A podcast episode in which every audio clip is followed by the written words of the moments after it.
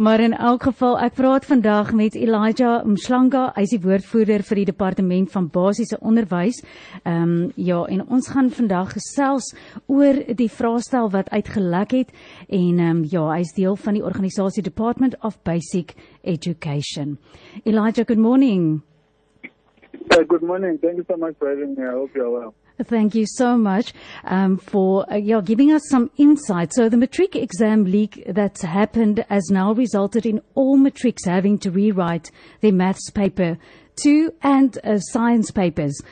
It is a situation that no person would like to go through. And this morning, um, you're going to help us to just shed a little bit of light on some of these issues. So, Elijah, upon first discovering that the leak has taken place, what unfolded? Um, when we confirmed that the papers which had been leaked were indeed our papers, we launched an investigation to establish what had happened.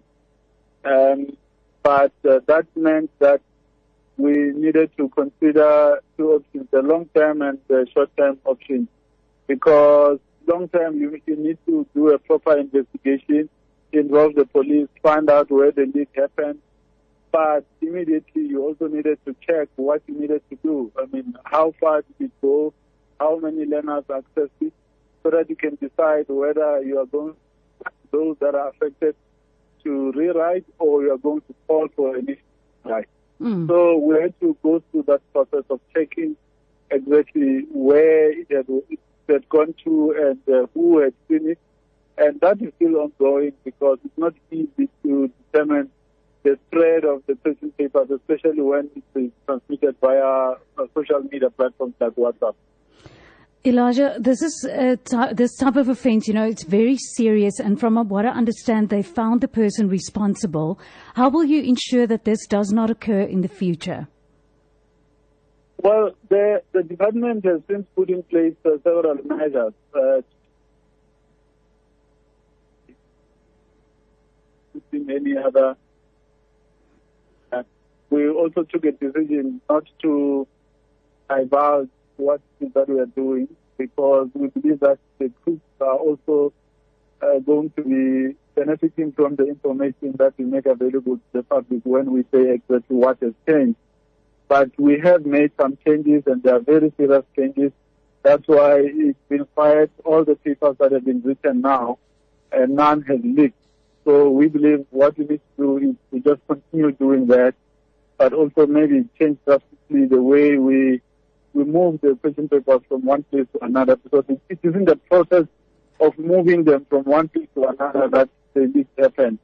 So we're going to pay more attention uh, to that particular area of the value chain to ensure that we prevent any such disasters that we're seeing right now. Elijah, last question for you. What can Matrics expect now with the rewrite?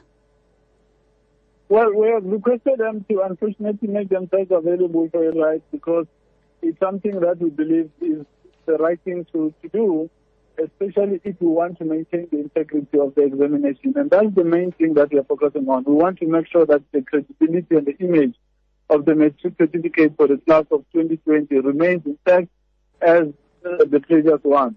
So we're asking them to please come through. We believe that's the only way we can uh, be able to restore public confidence in the certificate uh, and the examinations, especially now in 2020. So we're asking them to please come through. We know it's a stressful period and we feel bad about that. But when we considered all options, there was no other one that was better than this one.